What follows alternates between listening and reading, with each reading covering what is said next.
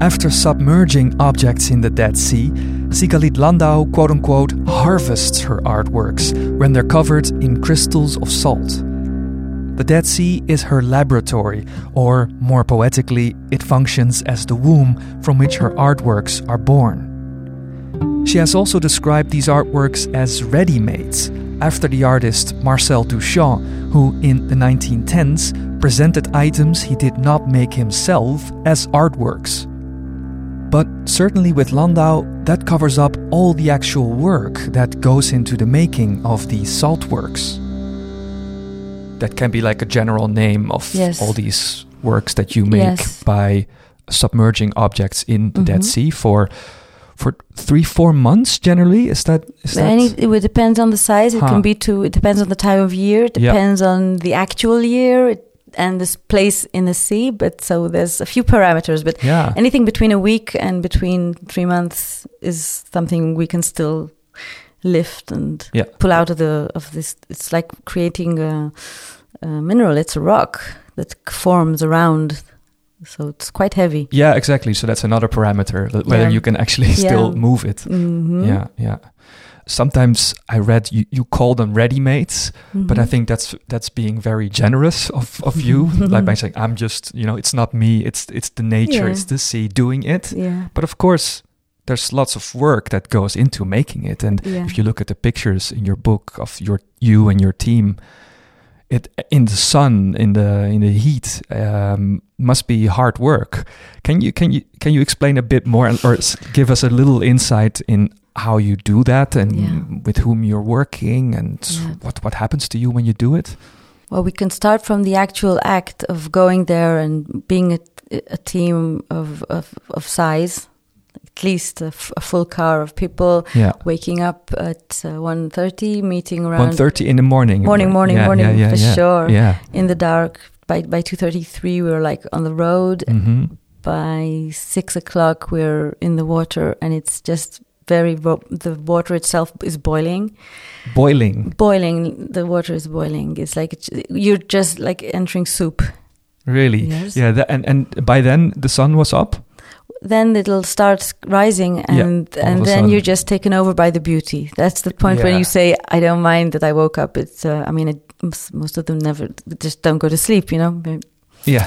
Stay awake So early. Yeah. Exactly. it's Yeah. too early and there's not enough time so it's like catching a plane to i don't know to the moon because you're uh, seeing uh, the sun the light uh, play with the water and yes your your your your body starts burning after a f- half an hour and the weights are tremendous the amount of work sometimes is like you, you're against uh, you're, you're you're fighting the sun you, you want to Yeah. be efficient when you realize how hot it is it's it's it's a big effort and um, I started doing it in 2005 Yeah. but I was just learning. It was really after August, I realized that some things that I left on the shore, Mm-hmm. they're swallowed. They everything's so beautified because the sea covers and Yeah, transforms yeah. anything you'll just leave there. Yeah, so- and you can you can actually also see that when you go to the Dead Sea, like on the on the Yeah. sides, right? That's, Yes, that's, yes. there's the the salt there is, is just building up. it's building up, and uh, if it can be a, just a chair that's drifting from Yeah. a hotel. Yeah, and yeah. So you you can't not see and notice that there's a, the sea has this ability. Yeah, And also, there's a lot of preparation because you can't Yeah, just sure, you can yeah. take a shoe, but if a shoe has all kind of materials, which like leather, you're not going to succeed because it's going to de- deform and it's going to break and it's yeah, Gonna, the the things that are I do make from scratch a lot. There's things that are ready made and are, I kind of choose them, but I need to treat them. And there's things which are so super experimental, and we'll just let them go and let let them, you know, and, and see what happens, Yes. and then and then be surprised maybe, Yes. or or or think maybe sometimes it Uh, doesn't work. Oh or- yes, and even Yeah. if things that you know that works, and you know that copper will give you blue, but you don't know when it's Yeah. actually going to start. You know, Hmm. this you- Yeah, in that sense, you then then then there's more the ready-made aspect of you're giving something to the scene. You, sh- you, you yeah. In the end, in, yeah, it's a bit grand to say that, but then in the end, to see decides what what it will uh, look like in the end. yes. Also, the CV decides like if um, you know after two days that you put something it, and you find it it it fell down because it's uh, I don't know.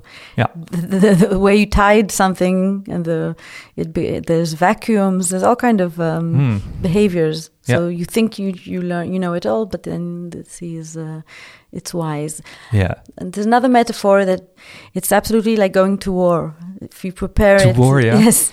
There's no enemy. I mean, there's an enemy. Um, The heat, maybe, or the heat, uh, my strong, you know, insisting my will, yeah. then comes into place. Uh-huh. Also, the will of Yotam, who works with me, and he's also very stubborn. Sure. And then it's a it's a war between the stubbornness of the place and the stubbornness of the people. yeah. I can imagine how it's hard work. Mm, it's yeah, it's not it's not tourism. No, Yes. Not only. I mean, I'm sure you're enjoying it, and what you just described, like being there in the morning, and then all of a sudden seeing the, in the light, seeing the sun, and being overwhelmed by it. That must be uh, quite overwhelming and beautiful. Yeah. But it's then- also but nice to bring new people. The, Yeah. the people who join my team and they they're to see them discover also Mm. is is uh, fresh. They have a fresh pair of eyes. Yeah, and And you can see them being Yeah. amazed by it. Yeah. Yeah, yeah. Yeah. That's teamwork. A lot of teamwork.